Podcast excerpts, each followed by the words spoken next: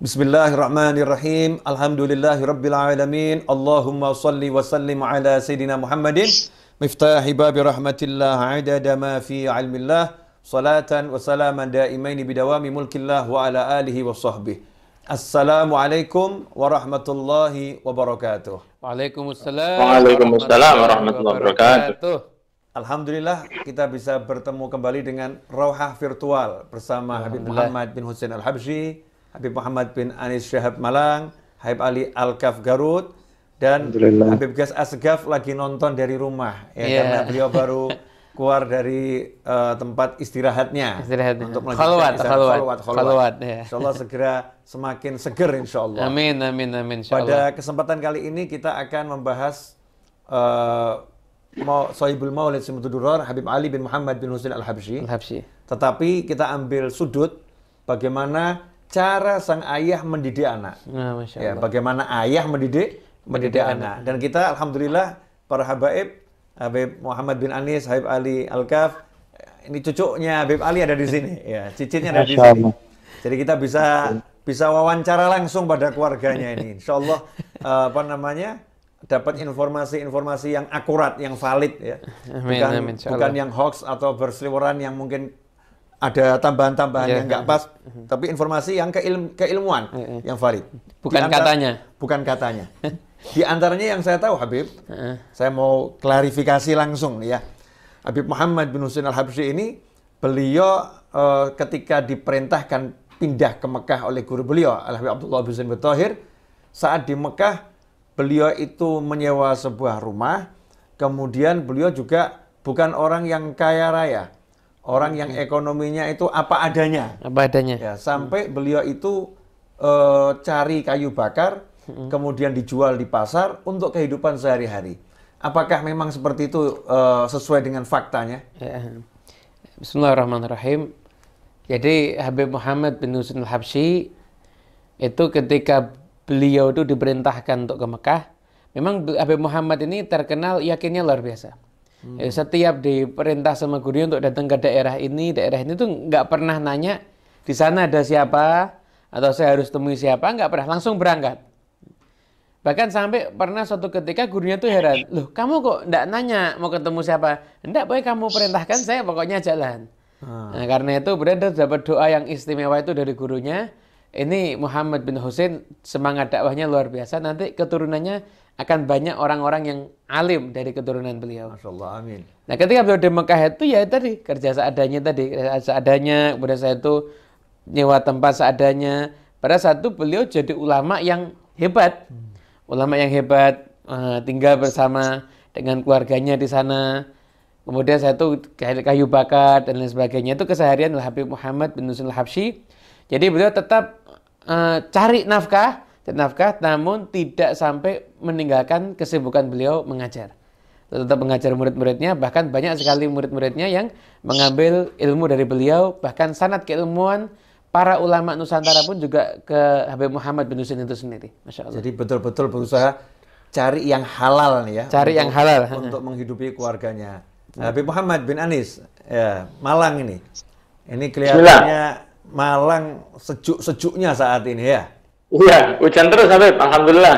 Masya Allah. Ini Habib Ali Al-Kaf Garut juga menunjukkan panggilan dari Garut tentang kesejukan dan keindahan Garut yang Iya, ini Masya kita Allah, Masya Allah. dengar tampak dari Wajahnya tanaman- teduh. Wajah teduh. Wajahnya teduh. indah, Masya Allah. Nih Habib Muhammad bin Anis, kita mulai dari Malang dulu. Eh, Tentang Habib Muhammad bin Husain Al-Habsyi ini, bagaimana beliau sebagai seorang ulama besar yang akhirnya punya putra-putra yang luar luar biasa, bukan hanya Habib Ali Habsyi, ada Habib Husain bin Muhammad bin Husain Al-Habsyi, ada Habib Ahmad Ada bin Habib Muhammad Syekh. Al-Habsyi, ada Habib Syekh. bin- Semuanya orang-orang yang yang luar biasa. Pandangan antum tentang sosok ayah ini seperti apa, Habib? Masya Allah, Alhamdulillah. Eh, sebenarnya Habib Novel lebih pas untuk ngomong masalah ini ya. Karena eh, Alhamdulillah kita dijadikan oleh Allah eh, orang-orang yang eh, diamanati anak-anak oleh Allah dan semoga kita menjadi orang-orang yang kelak berbahagia berkah dari anak-anak kita dan eh, semoga anak-anak kita dijadikan hujatan lana la alaina Amin. kita melihat bagaimana Muhammad uh, bin Husain al-Habsyi dalam uh, manakibnya yang menunjukkan himmah beliau dalam menjaga anak-anaknya. Saya rasa nanti mungkin Habib Muhammad Al-Habsyi menceritakan lebih jelas lagi. Memang sosok ayah ini sangat penting karena uh, ayah dan ibu ini seperti sayap yang saling melengkapi. Tidak ma, tidak akan bisa maksimal seorang anak ditu, uh, tumbuh dijaga oleh ibunya saja atau tumbuh hanya dijaga oleh ayahnya saja. Karena sifat ayah itu ada sifat uh, pelindung, ada sifat uh, sifat pendidikan yang lebih jeli dari uh, ibu biasanya untuk masalah agama sampai seperti itu. Karena uh, seorang laki-laki biasanya tumbuh dan tahu bagaimana dengan orang-orang yang ada di kanan kirinya, sedangkan ibu lebih mengedepankan rasa uh, sayangnya saja. Sehingga uh, kita lihat Habib Muhammad bin Hussein dan juga para salaf kita, mereka sangat pendidikan uh, sangat peduli dengan pendidikan agama ke anak-anak mereka dan tidak menginginkan anaknya terlalu fokus ke urusan duniawi di mana hal itu adalah sesuatu yang memang akan dijamin oleh Allah Subhanahu wa taala.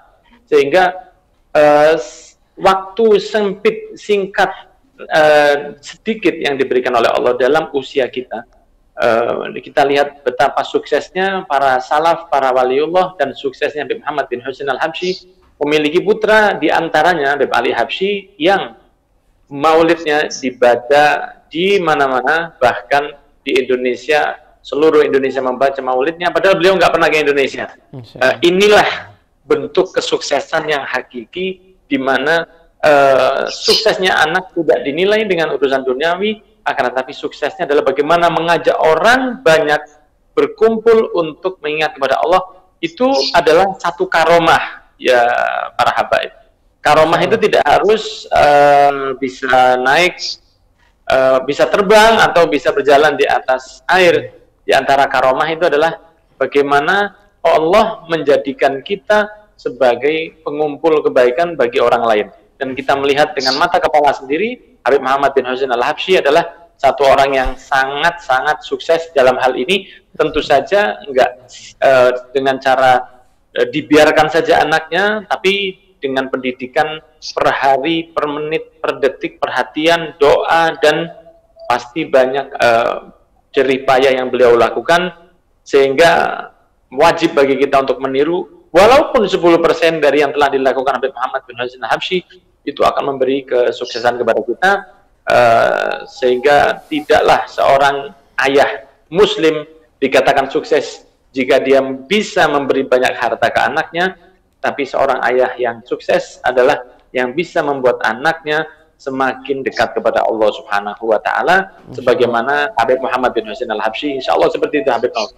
Masya Allah. Masya Allah. Iya, ini Habib Muhammad bin Anis ini anaknya empat. Tuh. Masya Allah. Dia sudah punya empat anak, Masya Allah. Masih muda tapi anak sudah empat. Yang hmm. paling besar usianya 16 tahun. 16 tahun. Saya sempat interogasi beliau. Ya. Masya Allah. pernah, pernah dibawa ke rumah? Oh pernah, pernah dibawa Alhamdulillah, rumah. betul ya. Betul, belum pernah. Alhamdulillah, tabarukan. Tabarukan dengan cucunya Habib Muhammad. Baik. Tabarukan dengan cucunya Habib Ali Habsi. Masya Allah. nah, Habib Ali Al-Ghaf uh, apa ya. namanya anak pernah baca bareng Habib Muhammad ini kalau Habib Muhammad bin Husain itu walaupun tinggal di Mekah ya walaupun tinggal di di, di Mekah. Mekah jadi saat Habib Ali Habsyi umur 7 tahun hmm. uh, itu kan Habib Muhammad pindah ke ke Mekah. Habib Ali umur 17 tahun jadi 10 tahun kemudian meminta anaknya untuk berangkat ke ke Mekah. Okay. Jadi Habib Ali ini diminta ayahnya berangkat ke Mekah umur 17 tahun. 17 tahun dan kurang lebih akhirnya nyampe di sana sekitar umur uh, apa 19 tahun baru bisa berangkat atau tinggal di sana sampai umur 19 tahun. Dua tahun saja kumpul sama ayahnya, yang saya baca ya. Hmm. Hanya dua tahun kumpul dengan ayah Habib Ali, Habib Muhammad. Habib Ali sang anak kumpul dengan ayahnya, itu hanya dua tahun. Dua tahun di Mekah itu ada satu hal yang menarik sampai Habib Muhammad itu mengatakan pada Habib Ali, kamu jangan keluar sholat di Masjidil Haram tanpa dampinganku. Jadi mau berangkat sendiri di Masjidil Haram untuk sholat berjamaah di sana, hmm. itu ayahnya yang merupakan mufti Mekah. Jadi Habib Muhammad ini kan mufti, mufti Mekah, Mekah, mufti Haramen. Mufti Haramen, Mekah dan Madinah. Hmm. Melarang putranya untuk sholat di Masjidil Haram tanpa didampingi oleh beliau. Jadi jalan sendiri nggak nggak boleh, nggak padahal boleh. sudah sangat dewasa dan dan alim nih. Sebetulnya ada apa Habib Ali? Al-Kaf sampai uh, salaf kita ini Habib Muhammad bin Husain yang alim menjaga anaknya sedemikian rupa jangan sampai uh, nanti di Masjidil Haram ketemu orang dari segala penjuru dunia kemudian mendapatkan informasi-informasi yang mengganggu proses pendidikannya ini. Hmm. Kok sampai segitunya jaga anak ini kira-kira bagaimana ya Bali? Bismillahirrahmanirrahim. Alhamdulillah wassallallahu wasallam wa baraka ala Rasulillah Muhammad ibn Abdullah wa ala alihi wa sahbihi wa man wala. Uh, sebenarnya jawabannya sudah dijawab oleh Habibana Habib Naufal tadi supaya tidak bercampur informasi dari luar atau uh, adwal balidi ilal jalidi sari'atun kal jamri yudha'u fil ramadi fatakhmudu katanya kan uh, menularnya keburukan itu terkadang dengan lingkungan. Oleh karena itu walaupun uh, al-ardul muqaddasa la yuqaddisu ahada. Walaupun tempat yang suci sekalipun uh, keluar dari tempat tersebut Abu Jahal dan Abu Lahab dan uh, Uqbah bin Abi Mu'ayyib dan semisalnya. Artinya ini perhatian yang begitu luar biasa dari seorang ayah karena dia memandang uh, karena beliau memandang bahwa sesungguhnya putranya ini adalah didikan daripada uh, uh, para guru masyayikh bahkan sebagian di antara guru Habib Ali Al-Habsyi adalah guru ayahnya ayah beliau juga. Uh, artinya memang orang-orang besar dan Habib Ali banyak sekali mendapatkan uh, Habib Muhammad banyak sekali mendapatkan bisyarah-bisyarah tentang putranya ini Al Habib Ali bin Muhammad bin Husain Al-Habsyi. Artinya perhatian beliau selain wallahu alam seperti yang uh, dilakukan oleh Sayyidina Abdul Muttalib kepada Rasul sallallahu alaihi wasallam yang mendapat kabar dari Saif bin Yazin yang mendapat kabar dari uh, para rahib yang datang ke kota Mekah atau perjumpaan uh, Abdul Muttalib dengan eh, raja-raja uh, yang ahlul kitab memberitahu bahwa sungguhnya uh, cucunya innalahu lasya'an bahwa sungguhnya uh, cucunya ini memiliki sesuatu yang berbeda. Dan nadrah daripada guru-guru Al-Habib Ali Al-Habsyi kepada Al-Habib Ali Al-Habsyi uh, tidak perlu uh, syamas fi rabi'atul nahar. Beliau dari semenjak kecil memang di, dikenal dengan uh, keilmuan beliau, ke ibadah beliau, waraknya beliau, zuhudnya beliau dan uh, rajinnya beliau dan uh, masyhadnya kepada guru-guru beliau sehingga sebelum beliau sampai ke kota Makkah pun beliau sudah menguasai beberapa ilmu terlebih beliau adalah uh, salah satu di antara uh, alumni ibunda beliau uh, Syarifah Alawiyah Al-Jufri hmm. yang begitu alimah yang begitu terdidik dan juga dan saya kira ya seperti yang Habib Novel katakan tadi bahwa perlu kepada pendidikan anak itu diperhatikan uh, dengan benar begitu bukan main nitip-nitip aja di pondok dilupain begitu yang penting saya sudah bayaran uh, saya titipkan anak saya anak saya yang penting harus jadi makanya guru saya uh, Habib Naufal Al-Kaf sering bilang rukun penuntut ilmu itu ada tiga guru murid dan wali murid kalau misalnya muridnya semangat, gurunya semangat, tapi uh, orang tua di rumah tidak semangat, tidak sabar, selalu izin dan semisalnya, maka muridnya tidak akan pernah jadi. Makanya tiga tiga hal ini menjadi rukun yang yang menentukan nasib seorang anak untuk supaya bisa sukses.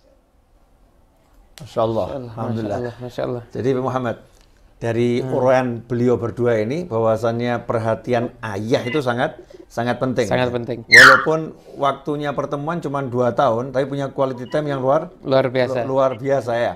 Sampai-sampai mau keluar ke masjid saja harus hmm. didampingi sama ayahnya, khawatir anaknya nanti lihat hal-hal yang nggak layak untuk di, ya, dilihat sehingga meniru atau menjadi tanda tanya, mengacaukan keyakinannya dan lain sebagainya. Kata kata Hebali di dalam Majmu' Waswal Ijazat dan mengatakan bahwa saya, saya memanfaatkan waktu kumpul sama ayah saya itu saya menghatamkan banyak sekali kitab langsung dengan ayah saya. Masya Allah. Jadi belajar langsung dari ayah. Belajar ya? langsung dengan, dari ayahnya. Sementara ayahnya Mufti Haromen. Mufti ya? Haromen. Eh, Mufti Haromen. Jadi kan eh, apa ada kebanggaan tersendiri bagi anak. Misalkan saya hatam kitab, misalkan hatam kitab Mutamimah dengan ayah saya. Hatam kitab Fadul Qarib dengan ayah saya. Hatam kitab Fadul Mu'in dengan ayah saya. Itu kan satu nilai yang tersendiri. Nah, jadi langsung gurunya adalah ayah ayahnya. Ayah ya. saya. Nah, kemudian juga Makanya, uh, Abu Ali Al-Habsyi berbangga Novel ya. Saya pernah baca juga kalau Habib Muhammad bin Husain ini setiap malam itu uh, keluar dari kamar mengontrol anak-anaknya. Iya, lagi apa kamu? Apa kitab apa yang kamu baca? Kamu lagi ngapain ya? Di dikontrol betul nih anaknya lagi belajar, belajar apa? Dan yang menarik bukan cuma lagi belajar, kalau anaknya lagi bermain, Habib Muhammad bin Husain ini juga ikut bermain. Ikut bermain. Ya, ya ikut bermain berlari-lari bersama ya. anaknya Mufti ini, Mufti, ayah, uh, mau bermain-main sama anaknya umur 17 tahun, 18 tahun, berlari-lari pun dilayani tengah malam. Uh, waktu anak lagi main-main, Habib Muhammad juga ikut main, Ikut main. main-main. Artinya tidak strength harus belajar terus enggak ada ada waktu untuk bermain-main. Nah ini biasanya yang paham begini-begini nih urusan bermain-main dengan anak ini yang paham betul ini dua Habib kita nih. Nah, dua Habib kita ini paham betul. Laisa bigharib ya Habib. Lebih Bukan sesuatu bukan sesuatu yang aneh. Faqad kana jadduhu kadzalik. Masya Allah, Allah Nah. Rasul sallallahu alaihi wasallam. Beliau main sama Sayyidina Hasan, Sayyidina Husain. Beliau juga Sayyidatuna Sayyidina Rasul sallallahu alaihi wasallam ada riwayat berlari dengan Sayyidatuna Aisyah uh, bersama istrinya Sayyidatuna Safiyah. Rasul sallallahu alaihi wasallam bahkan uh, pernah uh, sedang sholat kak, uh, Sayyidina Husain mendatangi Rasul sallallahu alaihi wasallam di atas uh, pundak uh, Rasul sallallahu alaihi wasallam sehingga Rasulullah uh, memperlambat sujudnya sehingga sebagian sahabat selepas salam Rasulullah tanya, kalian pasti kebingungan kenapa saya memanjangkan sujud saya. Hmm. Iya ya Rasulullah, sebagian mengatakan kami kira bahkan uh, engkau sudah tidak ada ya Rasulullah. Hmm. Sebagian lagi mengira bahwa Rasulullah SAW mendapatkan wahyu. Kata Rasulullah tidak. Saya didatangi oleh Hussein dan saya tidak mengangkat kepala saya sebelum dia puas. Masya Allah, Allahumma sholli alaihi. Saya Jadi saya dalam dalam sholat pun memberikan kesempatan cucunya bermain. Nah. Rasulullah SAW ya. Rasulullah SAW uh, sampai-sampai juga uh, Rasulullah memiliki cucu namanya Umamah. Hmm. Ada Rasulullah SAW memiliki cucu dari anak perempuan yang bernama Zainab, ada namanya Umamah dan Ali. Zainab menikah dengan Abul As bin Rabi, memiliki putra dan putri bernama Umamah dan Ali. Umamah ini yang uh, di dalam riwayat sahih dikatakan bahwa Rasulullah SAW menggendong beliau kalau sedang sholat. Sampai-sampai uh, Rasulullah SAW membawa beliau, meletakkan, kemudian duduk, lalu dijadikan dalil oleh madhab maliki bahwa boleh mem- membawa anak di dalam sholat, gitu, mengangkat atau ber, uh, uh, bergerak lebih daripada tiga, tiga gerakan. Salah satu ulama, Habib, salah satu ulama dari madhab maliki pernah suatu saat di kota Makkah, dia kejatuhan imamahnya sampai ke bawah, kemudian dia ambil, dia pakai. Salah satu daripada pengikut madhab syafi'i mengatakan, ini sudah berapa gerakan ini orang. setelah setelah salam dia katakan, Lahamdul umamah athqal min lubsil. Alhamdulillah Allah umama athqal min lubsil imamah. Katanya Rasulullah dulu bawa umama lebih berat dibanding apa? Hanya sekedar menggunakan. Artinya Habib Muhammad bin Hussein ini bukan bukan sesuatu yang yang aneh begitu karena beliau memang adalah orang yang mengikuti kakek beliau Rasul sallallahu alaihi wasallam. Makanya Habib Ali Al-Habsyi berbangga musalsalatan anhum asanidu akhdhihim ila khairi mahmudin wa ashraf Muhammad wa ashraf Muhammadi. Muhammadi. Abun yatalaqqa an abihi wa hakadha fayalahu min aba kiramin wa ajdadi. Jadi mungkin Habib Ewa. Muhammad bin Anis banyak nih bisa menambahkan tentang main-main nih. Ya, Habib Muhammad bin Anis. Ini ke pandangan antum tentang Habib Muhammad bin Afwan, baru- Masih, masih mau Habib Muhammad bin Hussein al-Habsyi ini masih mau bermain Ya. dengan anaknya yang umurnya 17 tahun, lari-lari, mau beliau ini. Seperti dalam riwayat ya. Ya. Nah, Eh, dan apa namanya senang untuk melakukannya itu dan menjadi memori eh, untuk putra beliau Habib Ali bahkan ketika Habib Ali sakit ya lagi rebahan manggil putrinya Habibah Khadijah kemudian menceritakan dulu ayahmu ini begini dulu ayahmu begini termasuk dulu ayahmu ini ketika belajar di Mekah dengan kakekmu di tengah malam kakekmu keluar lihat apa yang kami baca. Kami ditanya lagi baca kitab apa? Apa yang kamu kan kalau kami lagi main-main ayah kami ikut main-main Ya, Masya Allah, iya, iya, iya. Nah, ini pandangan antum dari sisi kejiwaan. Ana lihat antum memang ahli jiwa Habib Muhammad. Masya Allah. soalnya di Lawang ada rumah sakit jiwa, Beb. oh, Masya Allah. Di mana-mana ada Habib. Di mana-mana ada. Masya Allah. Oke, Akhirnya, pandangan antum tentang a- anak diajak bermain. Kalau sekarang ini kan kena daring ini banyak orang tua yang yang akhirnya marah-marah terus sama anaknya ini. Anaknya suruh belajar, suruh Betul. pintar, suruh dapat ranking, suruh ini, suruh ini ya. Tapi nggak ada yang ngajak main Iya. anak kelihatan ini, kurang ngajak main. Karena Benar. berlibur juga Benar. agak susah kan masa pandemik begini. Iya, Eh, padahal satu hadis dari Nabi Muhammad SAW. eh, mohon maaf kalau saya ulang, mungkin karena tadi sempat putus ya beberapa menit. Saya baru kembali dan eh, semoga belum disampaikan Habib Ali, Ali Al-Kaf karena satu hadis dari Nabi Muhammad beliau bersabda, "Man lahu sobiyun falyatasobalah." Siapa orang punya anak, maka hendaklah dia jadi seperti anak kecil itu. Jadi bermain dengannya dan ya bahasa kita mungkin gila-gilaan dengan dia asal tidak eh, sampai melanggar syariat dan kita ketahui sendiri bahwa Nabi Muhammad SAW pernah uh, main uh, seperti onta-ontaan dengan Sayyidina Hasan dan Sayyidina Husain. Mungkin tadi sudah disampaikan oleh Ali Al-Kaf. Belum, belum, belum ditambahkan belum. Karomahan belum ya. Gak lihat tapi paham kalau ini belum disampaikan semua ini. Luar Masya biasa. Allah, Masya Allah. Oh, Terbongkar akhirnya Uh, ini. terbongkar, ya. Kita ini. kita kita tahu bahwa Betul, betul. bahwa Rasulullah SAW satu waktu di dalam rumahnya eh, didatangi oleh satu sahabat, kemudian ketika itu melihat di pundaknya ada Sayyidina Hasan dan Husain, eh, dua calon peng- pemuda penghuni surga, Surga. yang semoga kita bisa eh, bertemu Amin. dengan beliau berdua. Dan beliau ini me- me- menaiki pundak Rasul dan Rasul pun berjalan seperti onta di dalam rumah beliau yang sangat sederhana, bukan dari rumah yang ada eh, marmernya atau keramik mahal seperti rumah kita, di rumah yang beralaskan tanah dengan eh, kesederhanaan yang luar biasa, tapi ada keceriaan yang sangat istimewa di dalam rumah itu, sehingga salah satu sahabat mengatakan, nikmal jamal jamalukuma, alangkah indahnya onta kalian berdua. Maksudnya adalah eh, alangkah mulianya yang kalian tunggangi. Kita eh, mungkin nggak melihat onta itu sebagaimana orang Arab melihat onta. Onta itu bagi mereka seperti an, seperti keluarga mereka sendiri saat itu. Di zaman Rasul, ada jika ada orang yang mencederai ontanya, maka seperti mencederai dirinya. Mereka mencintai onta sangat luar biasa, sehingga mereka menggambarkan alangkah indahnya onta yang kalian tumpangi, yang kalian tunggangi. Dan itu bukanlah satu penghinaan kepada Nabi Muhammad SAW, karena onta adalah sesuatu yang sangat istimewa bagi orang Arab. Dan dia mengatakan, alangkah indahnya onta yang kalian tung- tunggangi. Dan saya merinding kalau melihat hadis ini ketika Rasul melihat ke arah yang eh, sahabat yang berbicara tadi, fanadzara ilaihi Rasul pun melihat kepadanya, wa ni'mar huma. Dan alangkah mulianya mereka eh, dua penunggang ini itulah Nabi Muhammad SAW mungkin dah saat itu nggak ada eh, HP yang diberikan oleh Rasul ke anak-anaknya. Nggak ada permainan-permainan yang seperti saat ini. Akan tetapi kita bisa melihat betapa Nabi Muhammad seorang yang pernah bertemu dengan Allah yang satu-satunya yang bisa memberi syafaat di hari kiamat masih ada waktu seperti itu dengan cucunya maka kita pun uh, sangat dianjurkan dan bahkan berpahala untuk uh, bermain-main dengan anak kita selama tidak uh, bermaksiat kepada Allah sebagaimana kita lihat dicontohkan oleh Habib Muhammad bin Husain Al-Habib insya Allah seperti itu Masya Allah. Ini saya dapat tambahan ilmu ya walaupun kita udah sering dengar tapi ini saya dapat tambahan mulahadul Habib. Mau saya sampaikan ke antum semua ini. Nah. jadi Rasulullah SAW uh, saat sahabat memuji uh, Sayyidina Hasan dan Husain bahwasanya kalian berdua lagi menunggangi kendaraan yang terbaik, hmm. lagi menunggangi kendaraan yang ter terbaik. Rasulullah SAW mengingatkan sahabat sesuatu yang mereka lupa saat itu. Hmm.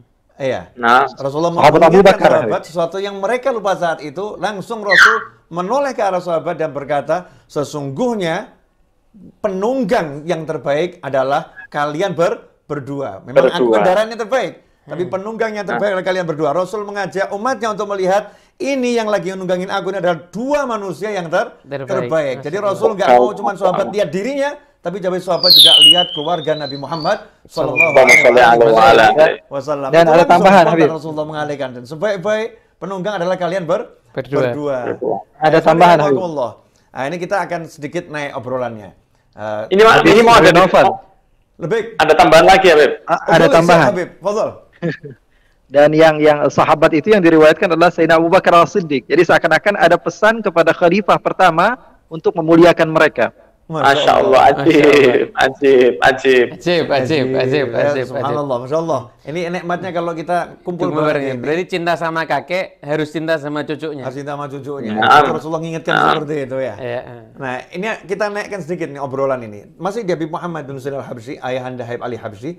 Bahwasannya Habib Muhammad ini uh, mungkin karena kita fokus pada Habib Ali Habsyi, fokus hmm. pada Habib Ali Habsyi, kita lupa kalau Habib Muhammad ini punya putra yang luar biasa Habib Hussein. Habib Husain bin Kakaknya Habib Muhammad Ali. bin Husain Al-Habsyi. Habib, Hus- Habib Hussein, Naam. ya. Habib Hussein bin Muhammad bin Hussein Al-Habsyi, Al-Habsyi betul. yang menjadi mufti juga meneruskan ayahnya yang menjadi muf, mufti Haramain Mekah dan Madinah.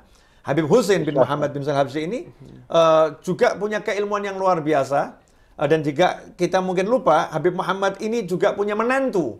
Ya, menantunya adalah Habib Alwi bin Ahmad As-Segaf. Asegaf ya. Ah. Beliau berdua ini adalah ulama-ulama yang menjadi panutan ulama-ulama Nusantara. Yang menjadi panutan ulama-ulama di negara kesatuan Republik Indo Indonesia. Nanti insya Allah Habib Muhammad akan eh, bacakan ini ya, bacakan pemirsa eh, tulisan Syekh Yasin Al-Fadani. Syekh Yasin Padang ya, Al-Fadani yang menjadi mar- eh, tempat eh, rujukannya para ulama ahli ahli sanad. Ya, beliau ini orang yang luar luar biasa. Syekh Yasin Al-Fadani menjelaskan dalam bukunya Tasniful Asma. Asma, Tasniful Eh, Asma. Tas- Tasniful Asma di situ dijelaskan bahwasannya dua ulama besar pelita Nusantara yaitu Syekh Hashim eh, pendiri Nahdlatul Ulama ya Mbah Hashim Ash'ari kalau kita panggil biasanya Mbah Hashim Ash'ari Muhammad Hashim eh, guru kita semua eh, dan juga Syekh Khalil Al-Bangkalani Syekh Khalil Al-Bangkalani. Al-Bangkalani. Jadi kita biasa manggilnya kan Mbah Hashim Ash'ari gitu kita. Kalau kita di masyarakat gitu lebih lebih mudah begitu. Kemudian Mbah Khalil Al-Bangkalani. Beliau berdua ini adalah orang-orang yang luar biasa yang ternyata beliau berdua selama di Mekah enam tahun itu berguru kepada Al-Habib Hussein bin Muhammad bin Hussein Al-Habsyi yang merupakan putra Habib Muhammad bin Hussein Al-Habsyi dan berguru juga kepada Al-Habib uh, Alwi bin Ahmad As-Segaf As-Segaf, ya. yang merupakan pengarang kitab syarah Fathul Mu'in. Fathul Mu'in. Tarsyihul Mustafidin. Naam, selama enam tahun, baik Enam tahun. di rumahnya maupun di Masjidil Haram. Ya. Uh, keduanya belajar kepada dua Habib tersebut. Nah ini silakan dibacakan Habib Muhammad. Biar Iya. pemirsa tahu bahwasannya yang kita sampaikan ini semua berlandaskan data-data ilmiah fakta. Nah, jadi dalam kitab Tasniful Asma karya Syekh Yasin bin Isa Al-Fadani di halaman 704 di situ tertulis kama annahu lazama as-sayyid Ini alawi ketika babnya apa tuh Bib? atasnya? ini hu- huruf H. Jadi kan Tasniful Asma ini eh, daftar gurunya Syekh Yasin. Orang-orang yang Syekh Yasin ngambil sanat kepada beliau. Syekh Yasin Al-Fadani kan mendapatkan gelar Musnidud Dunia di masanya. Masya Allah. Di pemegang sanat di dunia terbanyak saat itu ya beliau. Jadi karyanya banyak sekali, Beb.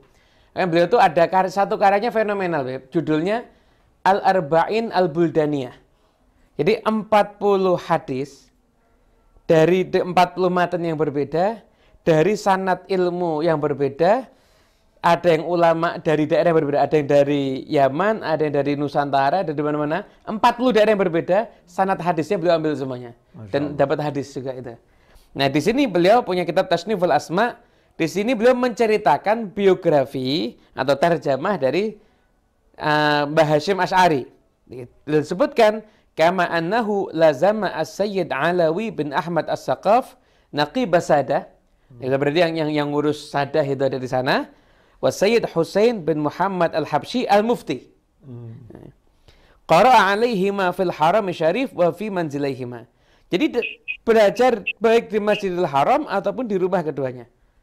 Jadi Mahasiswa Asy'ari itu belajar sanatnya itu sanat beliau itu sambung ke sampai ke Habib Husain bin Muhammad Al-Habsyi dan Habib Alawi bin Ahmad As-Segaf penulis dari kitab Tarsyihul Mustafidin Syarah Fathul Mu'in.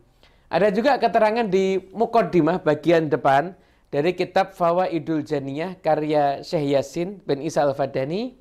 Itu kan kitab tentang qaid qawaid fikih. Di situ beliau menyatakan sanat ilmu qaid fikihnya dari Habib Husain bin Muhammad Al-Habsyi dan dari ayahnya Habib Muhammad bin Husain Al-Habsyi. Masya Allah. Ada juga di Muqaddimah Hasihah At-Tirmasi. Ah. Jadi ada kitab Muqaddimah Hadramiyah, itu matannya, syarahnya Minhajul Qawim dari Ibn Hajar. Itu dihasiahi sama Syekh Mahfud At-Tirmasi. Di bagian Muqaddimahnya di antara guru-gurunya adalah Habib Husain bin Muhammad Bin Husain. bin Husain Al-Habsyi. Jadi Syekh Mahfud termasuk juga nyebut ya? juga nyebut nih, di. Muqaddimah Hasyiah At-Tirmasi. Jadi eh, sanatnya, jadi sebenarnya kalau kita lihat, jadi sanatnya Habib sama Kiai ini ya Iya, satu, nyambung, nyambung ya. nyambung, Nyambung. Nyambung, nah. nyambung. Jadi nggak nggak nggak bisa terpisahkan. Sehingga ketika para habaib datang ke Indonesia, mereka datang ya akrab. Ya akrab ketika hall Solo, hallnya Habib Ali bin Muhammad Al-Habsyi diadakan, ya para kiai seperti gayung yang bersambut. Ya, karena gu- keluarga gurunya. Karena ya. keluarga gurunya sehingga nyambung terus hingga sampai sekarang ini. Masya Allah. Habib mungkin pernah dengar Habib. sesuatu Habib yang bisa disampaikan. Fadol Habib. Ajib. Kok jadi diam semua Habib Ali Al-Kaf sama Iya, saking saking ajibnya kalamnya tadi itu Habib. Saking ajibnya perlu di share nanti ini ya, bukan hanya di Oh, iya, YouTube aja iya, nanti Habib, perlu iya. di perlu di Facebook kan dan di Instagram kan juga. Kalau kita lihat dari kitabnya Syekh Hasan Al-Fadani ini, ternyata hubungan antara ulama-ulama Indonesia tempo dulu dengan ulama-ulama Mekah, Mekah, ulama iya. Hadramut ya, itu ada hubungan yang tidak bisa ter terpisahkan. Terputus. Bahkan Jadi- di, Nah. di kitab ini ada Mbah Maksum Lasem, Ah, Habib Salim bin Jindan, Habib Abdul Qadir Nah. bil Fakir al Hadis. Ah. Ada semua Habib. Masya Allah. Jadi saling melengkapi. Jadi habaib ada yang berguru kepada para kiai, kiai juga berguru kepada para habaib itu satu hal yang Yang sebetulnya terjadi biasa dulu ya, terjadi biasa. dari dulu seperti Masya itu. Iya. Seperti itu. Alhamdulillah. Nah, ini lagi-lagi prestasi Habib Muhammad bin Husain Al-Habsyi. Ya. Masya Allah. Ya. punya anak-anak yang akhirnya anak-anak tersebut menjadi eh, salah satu ulama ya, ulama yang peran membawa peran dakwah sampai ke Indo ke Ke Indonesia. Indonesia. Karena keilmuannya sanatnya ilmu jelas tadi ya. Eh, keilmuannya nyampe ke Indonesia. Lah ini saya juga tertarik ternyata Habib Muhammad bin Husain Al-Habsyi dalam dakwah punya metode yang luar biasa yang mungkin kita-kita ini yang hidup di tahun zaman modern ya jauh kalah. Karena saya pernah mendengar dan saya pernah membaca, bukan cuma membaca, tapi saya pernah mendengar langsung dari eh, almarhum Al Habib Muhammad Anis eh, yang di eh, singkat biasanya orang panggil Habib Anis, kakek antum Habib ya, Habib Anis Al Habsyi. Itu Habib Muhammad. Lahirnya di Garut. Ya. Habib Muhammad. Lahirnya di Garut. Namanya Iya iya iya. Ajib nyambung Habib iya, Muhammad bin Anis. Muhammad bin Anis, ya. Ya, Mungkin dapat nama dari kakek antum Muhammad Anis. Ya, Habib Anis. Iya. Nah, Habib Anis Lahirnya di Garut, Beb ya. Lahirnya sebut, di Garut. Lahirnya di Allah. Garut, Iya, salah, salah, betul, betul, betul, Nah, ini betul. sama nih kisah, Betul, lahirnya di Garut. Betul betul. Habib Anis ini lahir di Garut, ibunya wafat di Garut, Habah Khadijah Habah Khadijah. bin, eh, binti Ali ya, Al-Ghadri. dan dimakamkan di Garut. Nah, dimakamkan di Garut. Hmm. Ini Habah Khadijah. Nah, Habib Anis itu kalau salah saya saya dengar dari Habib Anis ya. Hmm. Mungkin apa saya yang salah dengar nanti bisa dikonfirmasi kepada keluarga. Habib Anis itu pindah dari Garut usia 7 tahun. Jadi usia 7 tahun pindah ke ke Solo, gitu ya. Solo. Setelah ibunya meninggal dunia kalau tidak salah atau Hmm. masih hidup ibunya. Saya informasi itu saya kurang paham. Yang saya tahu umur 7 tahun diminta oleh ayahnya untuk pindah ke Solo. ke Solo. Jadi saya teringat Habib Ali itu umur 7 tahun, ya ayahnya pindah ke Mekah. Ke Mekah, iya. pindah ke Mekah. Nah, ikhwani rahimakumullah. Nah, ini ternyata Habib Anis pernah menceritakan Habib Muhammad itu ketika dakwah di Mekah, dakwahnya kepada orang-orang yang di luar Mekah. Karena kalau di Mekah banyak ulama, di Mekah ini tempat kumpulnya ulama, ulama dakwah semua di sana. Nah, Habib Muhammad diperintahkan oleh Habib Abdullah bin Husain bin Tohir gurunya eh, bersama Sayyid Ahmad Zaini Dahlan ya untuk berdakwah di luar Mekah, di sekitar Mekah. Karena di sekitar Mekah itu di luar masih banyak orang-orang yang belum dapat ilmu. Ya, belum Ya, tersentuh. Belum tersentuh, ya Belum tersentuh. tersentuh. Tapi Habib Muhammad punya metode dakwah yang menakjubkan, subhanallah. Bagaimana itu? Karena yang didakwah ini rata-rata adalah petani yang tidak mungkin diajak untuk tinggalkan pekerjaanmu, ayo apa ngaji sama kita, cari ilmu. Itu mengganggu pekerjaan mereka. Habib Muhammad punya ide yang sangat brilian. Beliau saat itu mengajak beberapa muridnya untuk pergi keluar dari kota Mekah, menghampiri perkebunan ya orang-orang yang ada di luar Mekah sambil membawa teh, ya bawa teh yang sangat enak, kemudian bawa makanan, kemudian Habib Muhammad ngomong kepada murid-muridnya, "Eh, kalian silahkan jadi petani. Jadi petaninya dibilang kalian istirahat, yang cangkul biar murid saya, yang ngurusin kebun biar murid saya, saya kalian duduk minum teh bersama saya.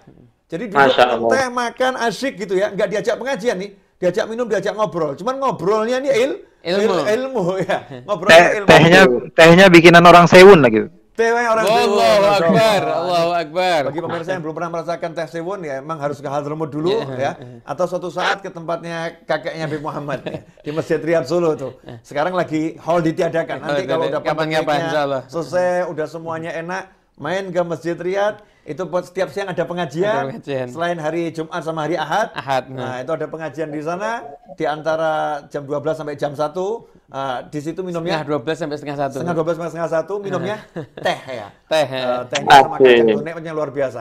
Dengan minuman yang enak, makanan yang enak, dikasih omongan yang enak, ya akhirnya seneng tuh ya, masyarakat. Sampai suatu ketika, kemudian eh, Habib Muhammad nih lihat kok eh, petani-petani yang ngomong, "Eh, kami pengen belajar lebih jauh, tidak cuma di waktu ini waktu kerja, malam ada tidak pengajian? Oh ada.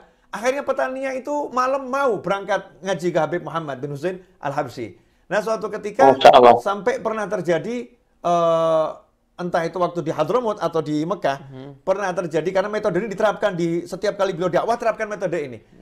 Terjadi orang-orang yang biasa hadir ini petani-petani ini nggak kelihatan Ha. Habib Muhammad menghentikan pengajian ngomong sama muridnya Nah ini kok petani-petani yang pada nggak ada ke mana? Muridnya jawab, mereka punya adat kalau di bulan ini mereka berburu. Nah mereka berburu, kemudian mereka ada pesta hasil buruan. Sehingga mereka lagi pesta ini, hasil buruannya mereka ada adat istiadatnya dengan nyanyi-nyanyi yang halal ya, nyanyi-nyanyi Ya, yang halal. Samar, samar Ya, tarian yang halal laki-laki semua ini. Samar, Tarian samar. yang halal mereka eh, apa joget-joget yang halal ya, Yang halal. halal. Eh, mereka sehingga nggak nggak hadir pengajian. Habib Muhammad ngomong, lah mereka biasanya seneng ha- hadir bersama kita, maka kita juga harus seneng hadir bersama mereka. Karena kegiatan ini nggak halal. ya. Maka Habib Muhammad ngajak muridnya untuk berangkat ke tempatnya petani tadi. Petaninya langsung menghentikan semua tariannya. Ya tariannya, nyanyinya dihentikan semua karena gurunya datang. Habib Muhammad mengatakan, lanjutkan, lanjutkan. Beliau duduk. Ya beliau duduk, melihat mereka bersenang-senang, mereka makan dilihat. Selama itu halal ya, halal nggak ngelanggar syariat. Selesai acara, eh, petani-petani tadi ngomong, Habib, lah karena antum sudah di sini, tolong dikasih pengajian seperti biasanya. Masya Allah. Akhirnya pengajiannya istiqomah, eh, jalan ajib. Pada itu sudah larut malam itu. Sudah larut malam. Sudah larut malam, Masya Nah, Allah. ini kita pengen dengar nih, pa- pandangan dua Habib kita ini Masya Allah. tentang kakeknya Habib Muhammad, tentang eh, kakek gurunya Mbah Hashim Ash'ari. Ya. Ini Tadi ini kakek gurunya Mbah Hashim Ash'ari ini. Tentang kakek gurunya Mbah Khalil Al-Bangkalani. Kakek Syekh Yasin gurunya Fadani. Saya Yasin Al-Fadani. Kakek gurunya Syekh Mahfud At-Tarmasi. At-Tarmasi. Ini, ini loh, habaib ya seperti ini. nih. Mungkin jangan mandang para habaib dari kami-kami ini. Kalau kami-kami ini ya Masya Allah. Masih kotornya Jauh, luar biasa. jauh, jauh, jauh. Nah, ini kakek-kakek gurunya Mbah Hasim, ini nih Habib yang memang kualitasnya eh, mutiara, intan, berlian, emas yang luar luar biasa. Jadi Luar kita biasa. malu kalau dengar kisah seperti ini. Bin Muhammad, Fadol, bin Anis. Iya. Ka- eh, memang cara-cara seperti itu luar biasa, Habib. ya. Anan dulu waktu mondok di Darut Tauhid itu eh, ilmu yang paling cepat masuk itu kalau waktu taklim kita eh, satu guru, satu guru saya, Ustadz Lalu Busairi namanya, orang asli Lombok. Kalau waktu beliau yang memberi kajian, waktu taklimnya beliau, selain eh, cara penyampaiannya yang memang enak, tapi di kelas itu kita diperbolehkan bawa minuman eh, ketika taklim. Waktu masih mondok, sehingga banyak anak-anak yang datang bawa termos, bawa galon dan lain sebagainya. Dan subhanallah, justru dengan taklim suasana yang seperti itu, karena hati kita dalam keadaan yang senang, maka eh, masuknya ilmu itu subhanallah lebih lebih mudah sehingga sampai saat ini pun eh, saya setelah kurang lebih eh, 24 tahun atau 21 tahun eh, keluar dari pondok tapi itu di antara momen-momen yang saya ingat yaitu taklim seperti yang dilakukan Habib Muhammad tadi dengan ada minuman dengan cara penyampaian yang baik karena eh, bagaimanapun juga eh, di zaman seperti ini di zaman eh, kita di era yang milenial atau kolonial atau wallahu alam. Saat ini memang sering orang yang datang ke kajian kita itu mereka membawa masalah yang ada di dalam kehidupan mereka. Ada yang bermasalah dengan ekonominya, ada yang bermasalah dengan rumah tangganya, ada yang bermasalah dengan, tetangganya, dan masalah yang lain. Maunya mereka, eh, masih sempatnya mereka datang ke tempat kajian itu adalah salah satu bentuk cahaya yang masih ada di dalam hati mereka. Maka cahaya cahaya yang ada di dalam hati mereka itu tidaklah di, eh, di dengan cara uh, hanya monoton dengan kajian saja, tapi kita lihat gimana cara kakek-kakek kita, uh, para ayah kita, para habaib kita, di setiap kajian kita tahu di Haul Solo pagi itu ada kopi dan kalau kita masuk ke dalam dan ada koa, uh, roti kaak yang uh, legendaris sekali, kita tahu bahwa kita bisa beli di luar, ya, kita bisa beli itu di luar hall, tapi ketika duduk mendengarkan kajian, mendapatkan makanan seperti itu, wallahu a'lam pasti ada sir, ada rahasia sesuatu yang istimewa sehingga membuat hati kita itu lebih indah. Makanya di setiap kajian saya hampir semua itu saya uh, saya meniru dengan yang dilakukan oleh orang-orang yang ada di Hadramaut yaitu ketika taklim mereka membagikan kopi ke hadirin dan itu momen yang membuat mereka sempat ter uh, sempat istirahat sebentar dari mungkin penatnya mereka mendengarkan kajian, tapi bisa diistirahatkan dengan kopi tersebut. Dan tidak hanya Habib Muhammad bin Husin saja, banyak juga para habaib kita yang uh, uh, menurunkan standar mereka sebagai seorang alim, sebagai seorang mufti, sebagai seorang yang luar biasa, turun uh, menurunkan martabat mereka agar supaya tujuan dakwanya disampaikan uh, ketika dulu kita tahu ada seorang saya lupa entah itu al mutanabbi atau siapa yang mengatakan alaina naftal qawafi min ma'adiniha. Itu siapa mutanabbi yang mengatakan? Siapa Ibu Ali? Yaqulul ba'd. Siapa? Yaqulul ba'd. Yaqulul ba'd. Yaqulul ba'dhum alain alaina naftal qawafi min ma'adiniha wa ma alayya illam yafhamil bagor. Nah, uh, saya akan membuat satu uh, syair atau sastra bahasa yang sangat tinggi. Saya dan jangan salahkan saya jika sapi-sapi itu nggak paham ini adalah salah satu bentuk uh, arogansi menurut saya. Sesuatu yang arogan dari seorang yang berilmu yang menganggap orang-orang yang tidak paham itu direndahkan seperti sapi yang nggak paham dan uh, salah satu habaib kita Allah alam Abdullah bin Husin bin Tauhir mungkin yang mengatakan tarabtu nakhtal fi min ma'adiniha li'anna li ghadadun an yafhamal bagur. Saya tinggalkan itu berindah-indahan uh, apa namanya? bahasanya itu ya Allah birokrasi yang berlebihan di dalam taklim, di dalam ilmu karena saya ingin sapi-sapi itu jadi faham.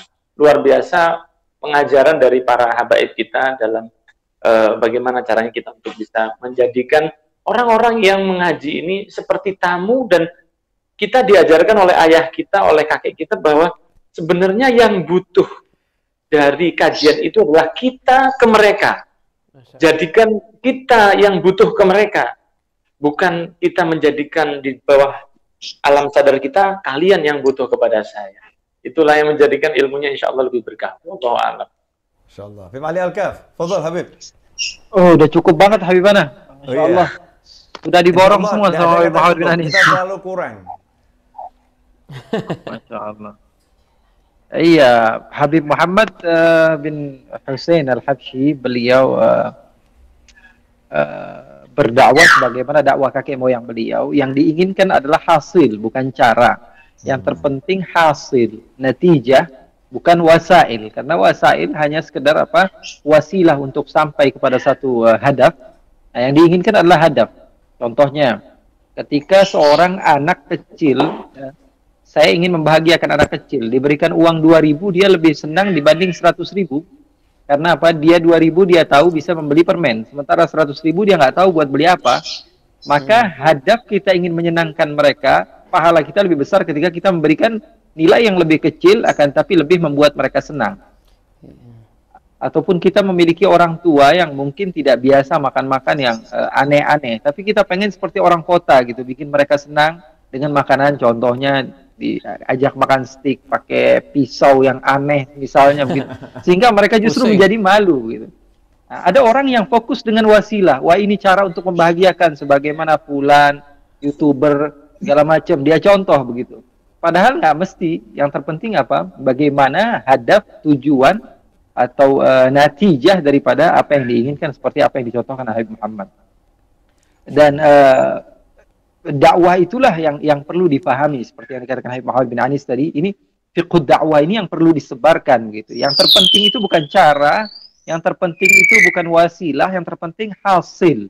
Hasil maksud. Apa yang kita inginkan itu sampai manfaat kepada orang lain. Jadi itu yang di, yang didapatkan oleh mereka para salafun soleh yang mereka dapatkan dari guru-guru mereka. Tadi antum juga menyinggung uh, kedekatan para ulama kita dengan uh, uh, para ulama-ulama yang ada di uh, Nusantara misalnya, para habaib. Ya, karena mereka selain mereka memiliki nasab yang mulia, mereka memiliki ilmu yang tinggi.